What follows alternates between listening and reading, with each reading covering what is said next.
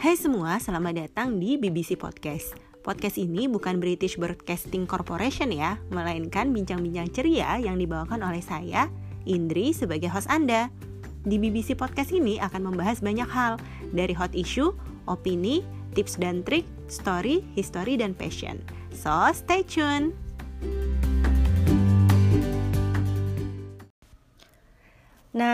Setelah kita bahas beberapa episode ke belakang tentang teknologi, science, sustainability, ekonomi, dan data, kali ini kita akan bahas yang lebih santai, namun berdampak besar, yaitu tentang bagaimana cara kita mengelola komunitas. Oke, guys kali ini adalah Bu Uya yang sekarang berdomisili di Sydney.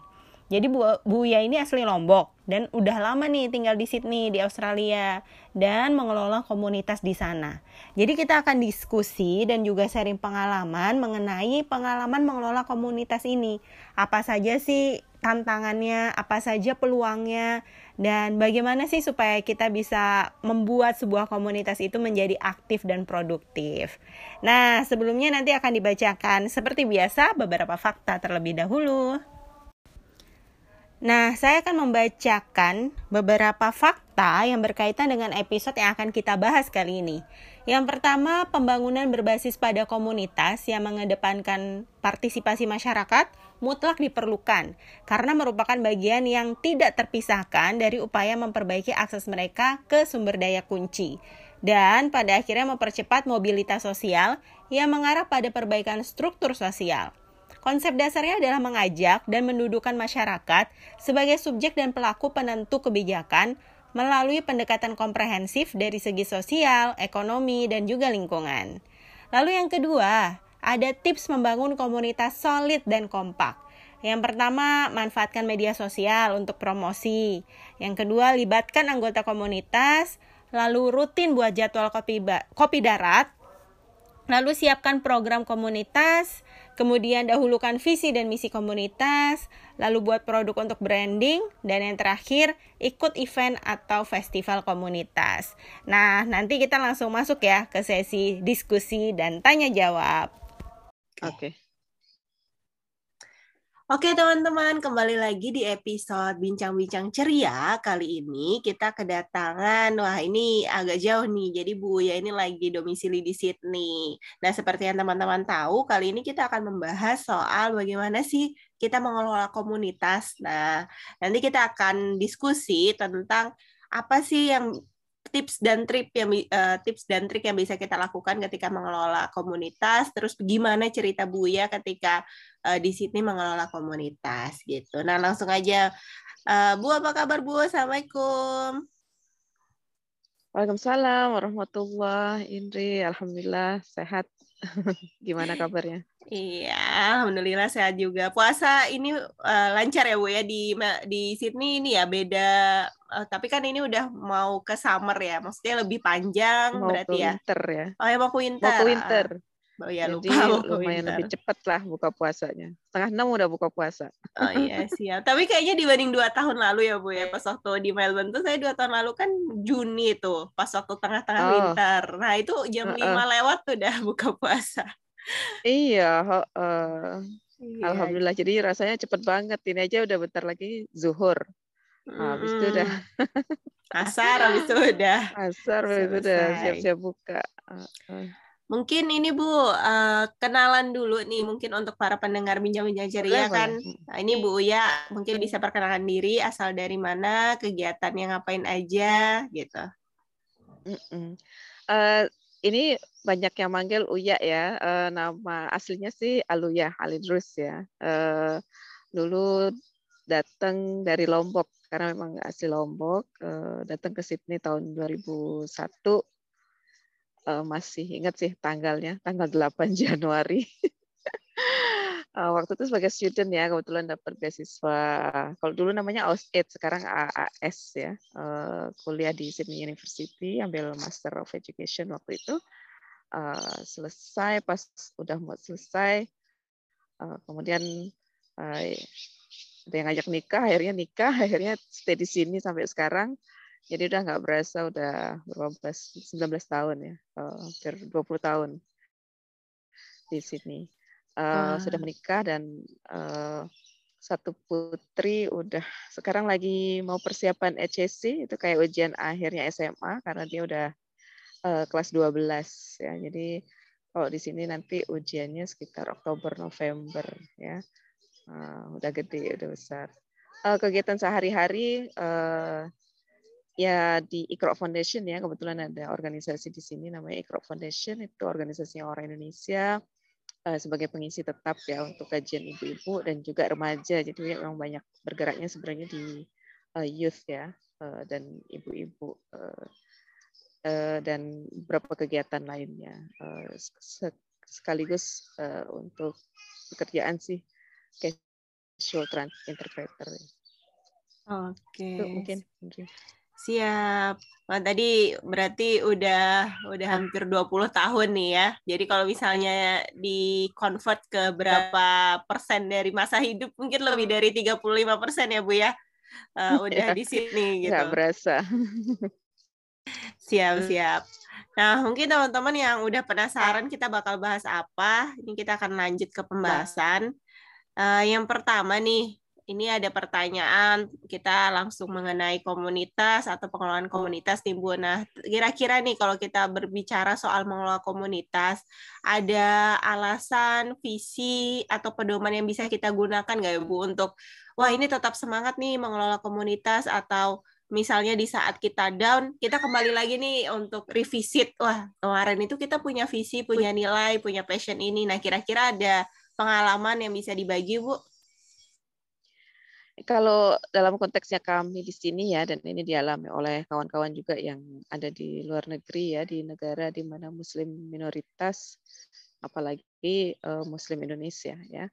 Uh, kalau mau jujur sebenarnya aktivitas komunitas itu lebih banyak awalnya lahir karena kebutuhan ya. Karena seperti kita ketahui di Australia misalnya atau khususnya di Sydney penduduk awal Indonesia itu datang karena migrated dari Indonesia karena berbagai macam alasan ya karena alasan ekonomi, sekolah dan lain sebagainya. Ketika mereka datang kemudian eh, sebagaimana apa filosofinya orang Indonesia makan tidak makan asal kumpul jadi mereka saling mencari kawan-kawan sama Indonesianya akhirnya kumpul-kumpul eh, dan diisi dengan berbagai macam kegiatan lama-lama punya anak, kemudian sadar anaknya perlu pendidikan agama, akhirnya mendirikan PPA, anaknya udah besar, akhirnya eh, beli masjid dan sebagainya. Jadi banyak berdasarkan kebutuhan. Tapi kalau dilihat dari eh, konsep agama, sebenarnya ini nggak jauh berbeda dengan konsep yang diajarkan Al-Quran. Salah satu poin dari ciri orang-orang ulul albab ya, itu orang-orang yang karena pemahamannya kemudian uh, membuat perubahan-perubahan di komunitasnya atau di, di lingkungannya jadi membuat perbaikan ya. Dan kalau kita ingat mumpung ini Ramadan juga karena tujuan Ramadan itu adalah uh, takwa ya. Uh, salah satu butir takwa yang Allah sebutkan di surat Ali Imran ya 133 134 135 itu Allah menyebutkan adalah selalu berbuat kebajikan ya. Kebajikan dalam artinya menjadi apa seorang yang jadi problem solver ya. Seorang memberikan kebaikan terhadap lingkungannya baik lingkungan keluarga maupun uh, lingkungan masyarakatnya. Jadi lebih banyak karena walaupun realitasnya sebenarnya lebih banyak karena kebutuhan ya tapi itu secara tidak langsung kemudian menjadi solusi buat apa kebutuhan masyarakat pada umumnya. Karena pada akhirnya kegiatan-kegiatan yang dibuat juga menjadi apa ya sarana untuk perbaikan uh, baik diri maupun personal orang-orang Indonesia yang migran ke sini atau uh, keluarga mereka ya. Terlebih sekarang sih banyak fokusnya terus terang kalau tanya komunitas Indonesia khususnya yang ada di luar negeri dan khususnya yang di Sydney dan seluruh Australia sebenarnya ya fokusnya lebih banyak ke generasi lapisan kedua dan ketiga. Persiapan uh, mem, apa untuk uh, persiapan generasi muda berbackground Indonesia, tapi sebenarnya sudah menjadi bagian dari masyarakat lokal ya, yang diharapkan bisa tetap membawa uh, ciri-ciri keislaman dan apalagi kemudian diharapkan bisa menyebarkan Islam. Jadi lebih banyak fokusnya ke generasi yang lebih muda sekarang. Jadi memberikan semacam life legacy ya, semacam uh, apa warisan kepada mereka dengan uh, macam-macam dengan adanya center-center kegiatan dengan adanya format-format uh, aktivitas yang kemudian diharapkan bisa jadi uh, apa guidance lah ya buat mereka generasi muda ini untuk akhirnya bisa menjadi orang lokal yang juga kemudian menyebarkan kebaikan sesuai dengan nilai-nilai Islam. Iya, kira-kira kayak gitu. Iya Bu, memang ini ya saat kita sendiri atau saat kita ibaratnya lebih sedikit orang di luar negeri, kema maksudnya di banyak tempat lah di luar negeri memang lebih apa ya lebih terasa lebih bermakna. Kayak misalnya pengalaman di Melbourne walaupun TPA atau buka puasa bersama walaupun kita nggak catering kita nggak order apa makanan online gitu ya. Kalau di Indonesia kan gampang catering atau order online gitu. Iya. Kita masak sendiri, belajar sendiri. habis itu Payah ngangkut banget kesannya ya. Iya, habis itu kayak wah ini cukup nggak nasinya? Nasinya masih ditanak gitu ya. Nah, itu hmm. adalah pengalaman yang luar biasa. Ibaratnya walaupun di Indonesia itu sesuatu yang mudah yang kita dapat di mana pun, tapi ketika kita di luar itu maknanya lebih dalam karena tadi lebih solid, lebih ada kebutuhan, lebih berang apa merangkul bersama gitu. Wah, ini iya, kita betul. punya tujuan yang sama. Nah, mungkin tadi kalau dari pengalaman Bu Uya ya, uh, dari lebih dari 19 tahun ini, nah apa aja sih tips dalam mengelola komunitas agar dapat aktif, solid, dan produktif? Mungkin kalau bahasa sekarang, gimana sih supaya bisa sustainable atau continuity-nya itu bisa kita jadikan pedoman lah atau kita bisa expect wah ini bisa continue terus nih nah itu gimana tuh bu? Iya, uh, masya Allah kalau ditanya kayak gini serta merta tuh bakal langsung ingat Rasulullah ya ketika hijrah ke Madinah ya. Sebenarnya kan menjadi pendatang juga di Madinah dan kita lihat bagaimana Rasulullah SAW kemudian menegakkan beberapa apa approach ya kalau boleh dibilang ya uh, kepada para sahabat dan juga orang-orang penduduk Madinah saat itu ya.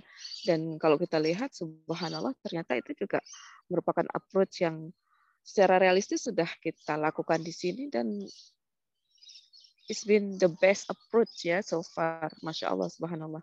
Uh, jangan tanya ketika Rasulullah SAW migran uh, apa hijrah ke Madinah hal yang Rasulullah lakukan pertama ya mempersaudarakan ya. Jadi bagaimana kita yang uh, berhijrah juga ke Eh, negara-negara atau daerah-daerah eh, di mana kita minoritas ya eh, adalah mempersaudarakan diri dengan penduduk lokal ya. Artinya merasa sebagai saudara kemudian belong to one another ya merasa bagian satu dengan yang lain ya.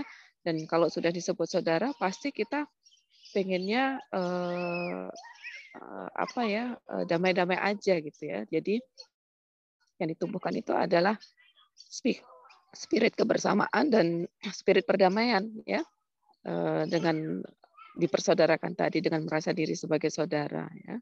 Jadi ketika kita merasa sebagai saudara, sudahlah kita sebagai saudara se-Indonesia dari yang bergerak ini ya. Eh, kita juga merasa sebagai saudara dengan eh, target dakwah kita atau orang-orang sekitar kita ya walaupun mereka bukan dari negara yang sama ya. Eh, jadi spirit persaudaraan dan dalam organisasi pun dan ini applicable untuk di mana saja ya. Ketika kita mempersaudarakan diri dengan orang lain juga kemudian jadi bisa melahirkan kegiatan-kegiatan yang lebih berkah ya lebih sustainable uh, karena memang dasarnya adalah persaudaraan. Dan kalau persaudaraan kan maksudnya cinta ya kasih sayang ya. Kemudian kita melihat saudara kita yang lain juga pasti pengennya uh, menyebarkan kebaikan ya uh, kedamaian. Ya. Jadi yang Rasulullah SAW pertama lakukan itu mempersaudarakan dan itu uh, approach yang bisa dicontoh ya uh, baik bagi kami yang alhamdulillah sudah melakukan itu dan selama ini sudah membuktikan itu selalu menjadi spirit yang applicable dan menjadi spirit yang bisa menjadi obat dari setiap keadaan ya apalagi jelas di tempat yang minoritas seperti ini. Kemudian yang Rasulullah SAW lakukan ya kalau dalam dan ini pas dengan konteks kami di sini ya. yaitu misalnya mendirikan center-center kegiatan ya uh, kalau di Madinah uh, masjid ya kalau di sini ya walaupun nama masjid memang bangunannya mungkin nggak kayak masjid di Indonesia ya intinya sih center-center kegiatan ya dengan berbagai macam size-nya ya dengan ada yang kayak rumah doang gitu ya ada yang memang uh, komunitas yang memang bisa membangun masjid seperti di Indonesia ya. Uh, tapi kalau dilihat juga ini juga applicable buat di mana saja ya setelah ada persaudaraan muncul ya. Kemudian perlulah cari rumah cari tempat kegiatan ya. Supaya uh, kegiatan-kegiatan juga lebih berkesinambungan karena udah jelas tempatnya ada rumahnya ada ya. Tempat rapat dan sebagainya ya itu ada ya. Uh, jadi uh, mencari center-center kegiatan ya. Kalau di sini itu ketika center kegiatan itu mau dibeli ya di situ kelihatan hasil dari persaudaraan. Jadi hasil dari approach yang pertama ya. Uh, jadi ukhuwahnya kelihatan. Harga properti misalnya yang rasa-rasanya kok kayaknya nggak mungkin ya bisa kebeli tapi dengan semangat persaudaraan ya, dengan semangat persamaan ya, eh, kebersamaan, walaupun mungkin yang anggota komunitas tersebut bukan semuanya dari pekerja tetap ya, tapi mereka mampu mengumpulkan uang yang akhirnya bisa membeli properti baik itu bangunan sederhana bahkan yang besar ya. Subhanallah, banyak sekali sebenarnya cerita-cerita inspiratif di sini yang berkenaan dengan pengumpulan dana ya uh, atau uh, apa kita nyebutnya fundraising ya untuk membeli uh, center-center kegiatan ya masya Allah banyak sekali cerita-cerita inspiratif ya. Dan biasanya uh, fundraising besar itu dilakukan memang selama bulan Ramadan ya. Mungkin karena mengambil uh, momen ya keberkahan Ramadan sebagai bulan uh, infak ya. Masya Allah ya. Jadi sering sekali kami menemui uh, keadaan di mana uh, secara langsung tuh orang mengeluarkan uang kayak nggak mikir gitu ya sekian puluh ribu dolar ya jadi uh, masya Allah ya uh, mungkin nanti kalau banyak ngobrol dengan yang dari di sini bisa dapat cerita-cerita seperti itu. Kemudian yang ketiga yang Rasulullah SAW kan lakukan adalah membangun uh, sistem perekonomian ya seperti yang dilakukan di Madinah ya. Dan ini wajar karena berkegiatan sosial atau kemasyarakatan iya, tapi kalau tidak tidak ditopang dengan ekonomi nanti akan timpang ya dan akan banyak menjadi batu-batu hambatan sehingga sustainability kegiatan akan uh, uh, terhambat ya. Kalau ditopang dengan ekonomi maka dia akan menjadi penopang yang perfect ya. Jadi orang-orang udah nggak pikirin ekonomi sehingga bisa lanjut melakukan kegiatan-kegiatannya. Dan di sini juga banyak dilakukan ya. Uh, kalau bentuk uh, applicable-nya misalnya membantu kawan-kawan atau saudara-saudara yang lain yang memang masih kerja paruh paruh waktu bagi yang punya misalnya punya bisnis dia akan membantu. Mungkin ada saudara yang datang baru datang di daerah tertentu untuk diberikan pekerjaan langsung ya. Atau kalau kayak di masjid di sini kami di Ikro Foundation misalnya punya minimarket ya untuk menopang ekonomi masjid ya. Uh, jadi ada semacam swalayan kecil ya atau di tempat di sini ada namanya United Muslim eh, Australia mereka juga punya kafe ya semacam itu. Jadi waktu ibu-ibu atau orang tuanya nunggu anaknya ngaji ada kafe yang mereka tempat uh, nunggu ya uh, atau bahkan meeting dan sebagainya. Jadi uh, kekuatan ekonomi itu dibangun ya dan ini merupakan salah satu kunci yang ternyata menjadi salah apa applicable banget untuk bisa menopang keberlanjutan kegiatan kemasyarakatan ya mungkin tiga itu yang utama ya nanti uh, yang lainnya ya tergantung keadaan masing-masing uh, lokasi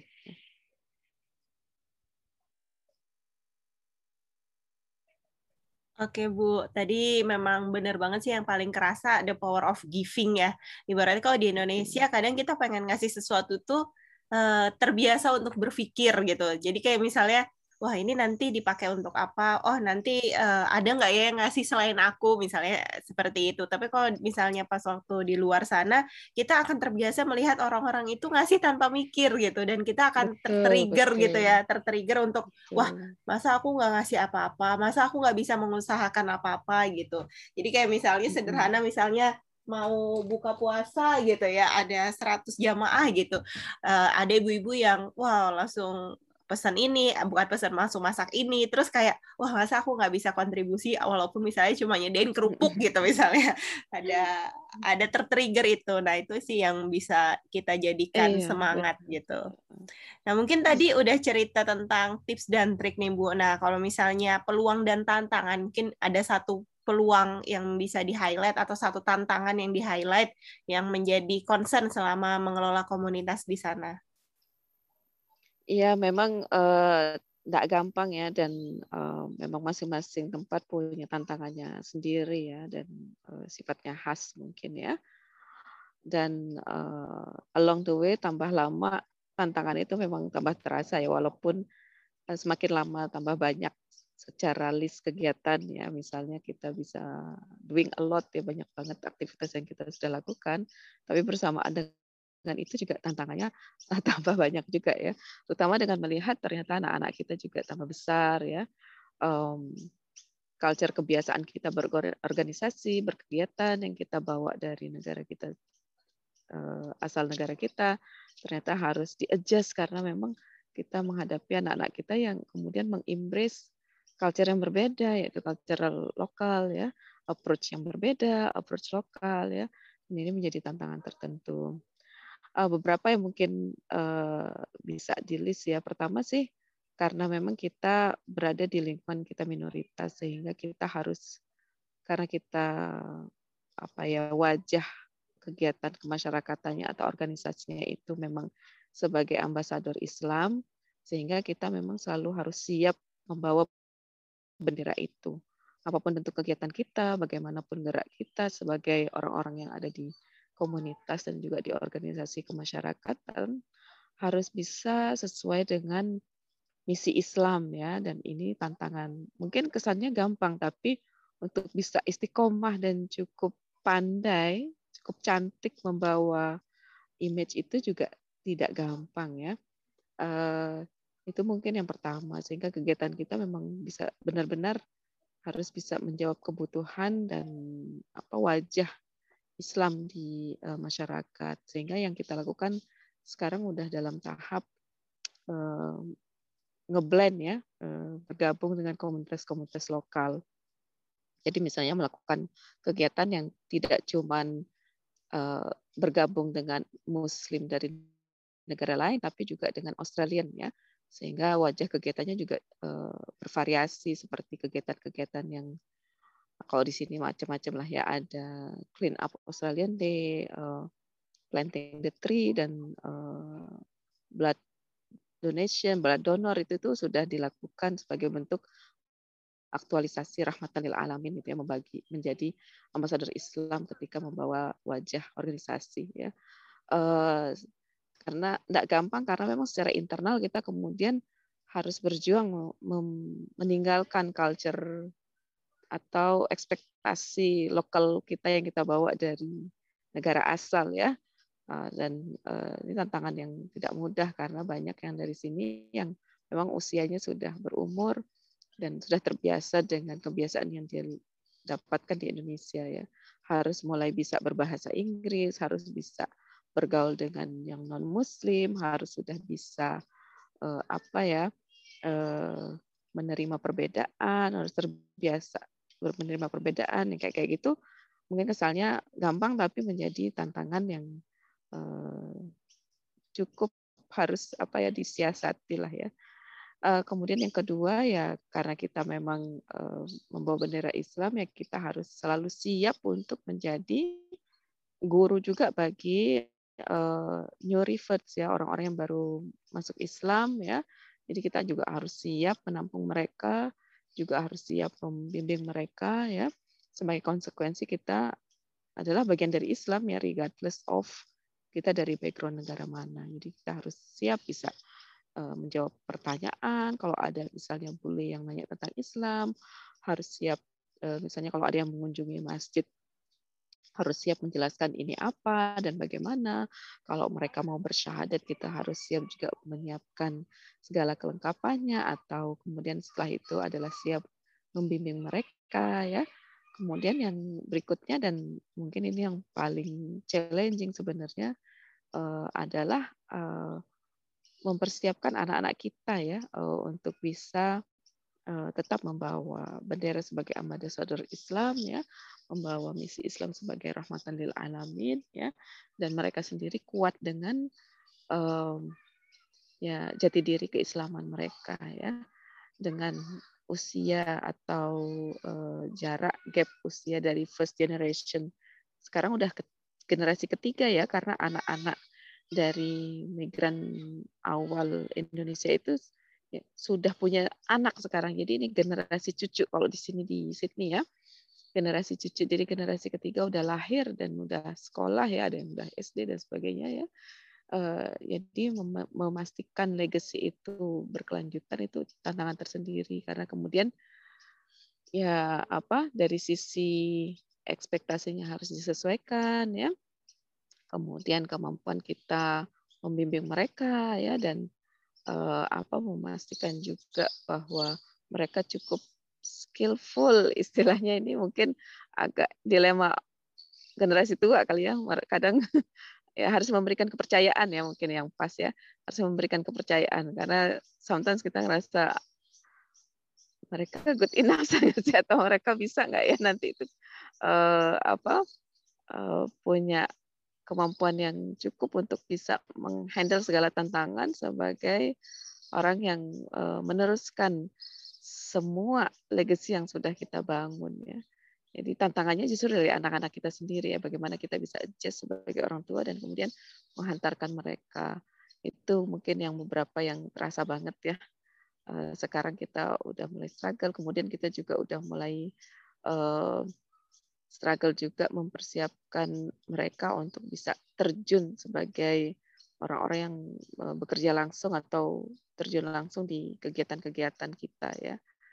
Jadi mungkin banyak jumlahnya, tapi yang bisa uh, contoh ya bisa menjadi guru di TPA, bisa menjadi uh, pembimbing agama itu harus disiapkan ya dan uh, uh, ya sedang kita ikhtiarkan. Walaupun masya Allah sudah muncul banyak sekali anak-anak kita yang ternyata uh, juga uh, luar biasa ya. Kita sudah bisa menghasilkan misalnya beberapa orang hafiz dan hafizah dari komunitas kita sudah ada yang bisa menjadi guru ya. Uh, tapi karena memang kebutuhannya banyak, tentu saja kita kemudian berharap bisa menghasilkan lebih. Kira-kira seperti itu, Indri.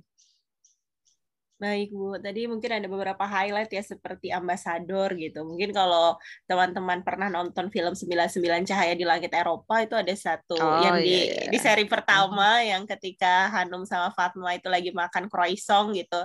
Terus kok Fatma bayarin gitu, habis itu Hanumnya marah-marah, kenapa sama orang yang menjelek-jelekan Islam kita mesti baik gitu kita mesti bayarin makanannya tanpa mereka ketahui. Terus kata Fatma di situ tugas kita cuma satu Hanum. Kita cuma butuh menjadi agen muslim yang baik. Nah itu mungkin yang menjadi apa ya bisa kita jadikan pedoman lah bagaimana visi kita. Terus juga memang tadi yang sangat mengkhawatirkan atau yang sangat berpeluang kita berkontribusi terhadap masyarakat adalah bagaimana menyiapkan generasi selanjutnya ya Bu ya. Itu yang wah iya, challenging uh, gitu pastinya. Iya. Oke, mungkin ini pertanyaan Kalau terakhir. Indri kan iya. pulang ya. Kalau iya Indri pulang. Kan pulang Betul. Kalau kita yang stay di sini kita yang harus make sure ada anak-anak yang melanjutkan apa yang kita Benar. lakukan sekarang dan kita juga harus memastikan tauris tauris itu mungkin kayak gimana uh, mereka juga bisa mendapatkan apa yang kita dapatkan bisa dididik seperti apa hmm. yang kita didik apa yang kita dapatkan dari pendidikan gitu tapi mungkin dengan uh, kondisi zaman yang berbeda gitu iya yeah. oke okay. Mungkin pertanyaan terakhir nih Bu, kalau teman-teman di Indonesia kan ini juga banyak ya yang bergerak atau bergelut di bidang komunitas. Aku sendiri juga bergerak di komunitas pemuda, pelajar gitu, terus juga komunitas lingkungan di, di Indonesia ini. Nah mungkin ada yang bisa dijadikan pelajaran gitu dari pengalaman Ibu di luar. Ya mungkin, wah kalau di Indonesia uh, ini yang bisa dilakukan nih gitu. Nah mungkin ada beberapa hal Bu bisa disampaikan. Yeah sebenarnya ini agak tricky question ya karena sebenarnya there is no best approach tidak ada uh, apa solusi terbaik yang uh, misalnya applicable di tempat satu tempat bisa applicable di tempat lain karena semua organisasi rasa-rasanya juga membuat kebijakan sesuai dengan keadaan yang mereka menghadapi masing-masing. Jadi mungkin uh, sifatnya sharing aja. Dari yang kami alami di sini mungkin akan bermanfaat juga untuk di Indonesia, yaitu embrace the youth. Ya. Embrace the youth. Uh, kita uh, banyak sibuk dengan kegiatan yang uh, usia menengah ke atas ya, middle age ke atas ya, tapi kita suka lalai pada yang youth. Yang sekarang sih memang kalau kami di sini semua sedang bergerak nih, memberikan perhatian yang banyak kepada youth ya. Dan semakin lama memang semakin terasa kita perlu banyak orang yang menemani tumbuh kembang anak-anak remaja kita ya. Uh, kalau kita lihat di Indonesia sebenarnya tantangannya sama aja ya. Dan itu berarti dengan jumlah yang lebih banyak, lebih banyak orang yang harusnya bergerak di remaja. Secara real ya, secara real nggak cuman dalam bentuk konsep dan sebagainya ya uh, di sini misalnya uh, memang salah satu kelebihannya kalau di sini ya bahwa urusan youth itu benar-benar diseriusi oleh pemerintah ya. Karena ada lembaga khusus yang mengurus dan memang terjun langsung di masyarakat. Sehingga kalau misalnya di daerah-daerah atau kita nyebutnya sabab-sabab ya mungkin kayak apa kalau di Indonesia sabab ya kecamatan mungkin ya uh, atau kelurahan itu ya ada youth center uh, dan ada uh, tempat anak-anak muda pulang sekolah, kemudian mendapatkan bimbingan, ya.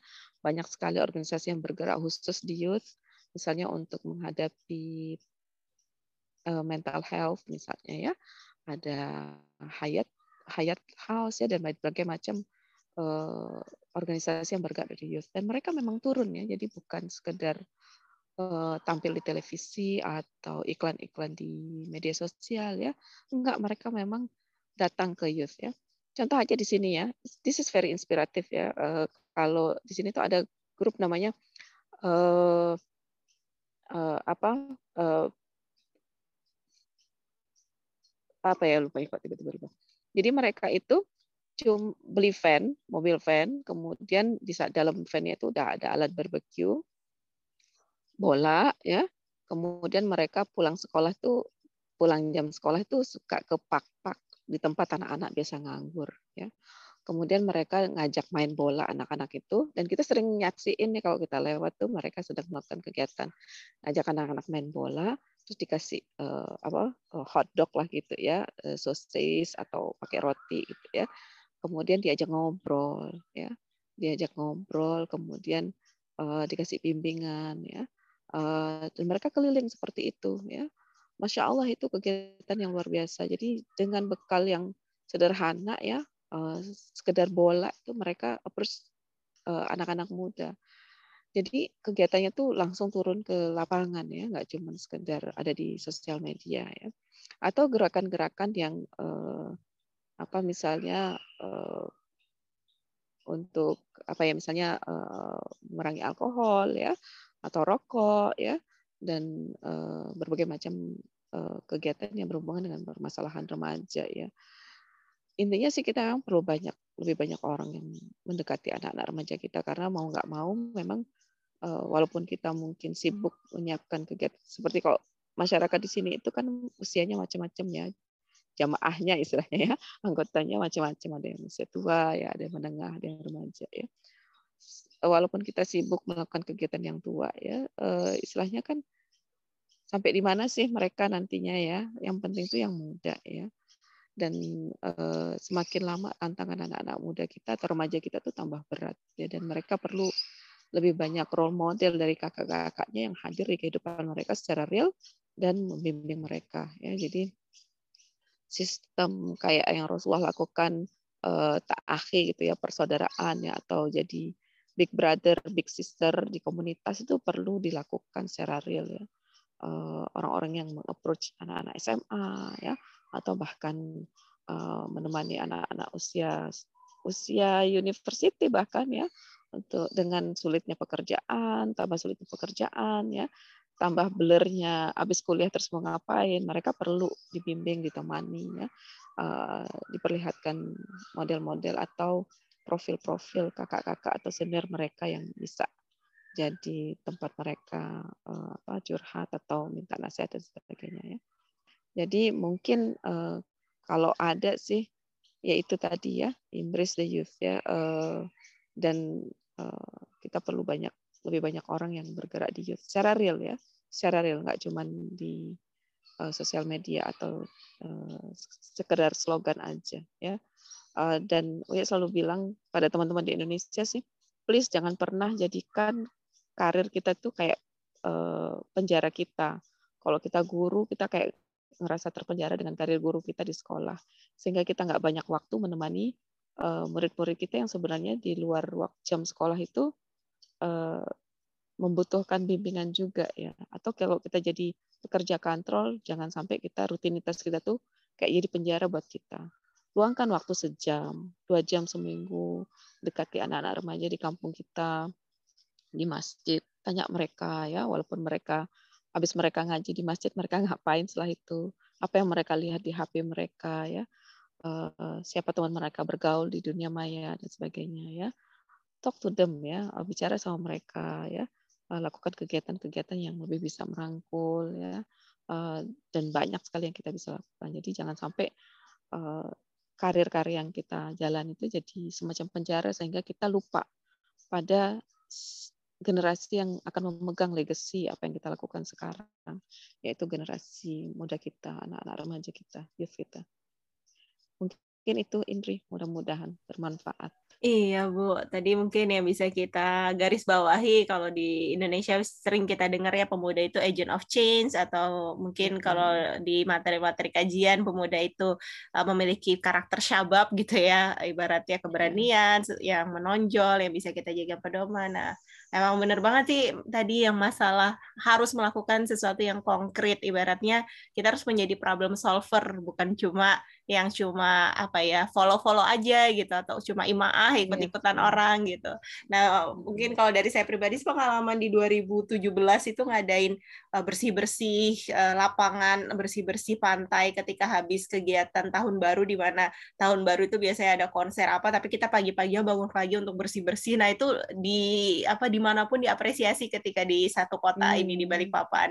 Nah, itu 2017 dulu. Terus jadi efek domino akhirnya orang-orang mengenal komunitas komunitas dan kita berkontribusi dengan banyak organisasi akhirnya dari yang uh, dinas lingkungan hidup dan lain sebagainya. Nah, itu mungkin bisa jadi inspirasi juga untuk teman-teman yang pengen memulai sesuatu. Wah, apa nih yang harus dilakukan? Mulainya dari mana yang bermanfaat gitu. Hmm. Tadi uh, benar banget soal bagaimana uh, kita tidak terjebak ya Bu ya. Ibaratnya kemarin ada pertanyaan nih dari teman saya, wah gimana ya Andri? Kadang juga pengen ngelakuin kegiatan yang di luar kerjaan dan rumah gitu. Soalnya kayak ngerasa wah udah habis nih waktu dari ngurus kerja habis itu di rumah ngurus keluarga. Nah, itu gimana ya Andri gitu.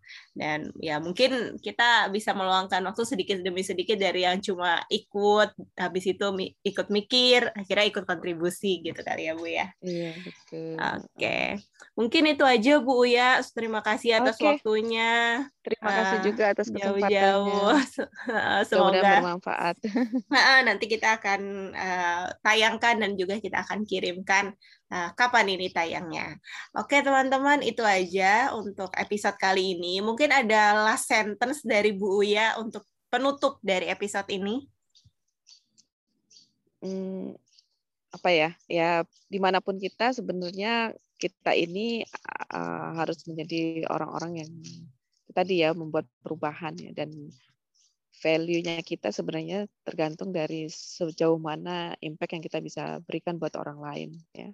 Dan insya Allah dengan kita melakukan perbuatan untuk orang lain perbaikan buat orang lain dengan sendirinya kita juga melakukan perbaikan untuk diri kita sendiri sebagaimana yang disampaikan dengan Al-Quran. Jadi uh, di mana pun kita ya uh, look around pasti masih banyak hal-hal positif yang kita bisa lakukan kalau mungkin kalau kita sendiri akan tidak ada atau sedikit yang kita bisa lakukan, tapi kalau kita bersama-sama, insya Allah possibility bisa melakukan something yang pasti lebih besar. Ya. Jadi look around, uh, engage one another ya, uh, dan lakukan perubahan. Mungkin itu. Iya, oke okay, Bu. Uh, semoga kegiatannya hari ini dilancarkan dan seterusnya dilancarkan. Semoga juga sehat selalu sekeluarga. Ya, assalamualaikum Bu ya. Waalaikumsalam warahmatullahi wabarakatuh.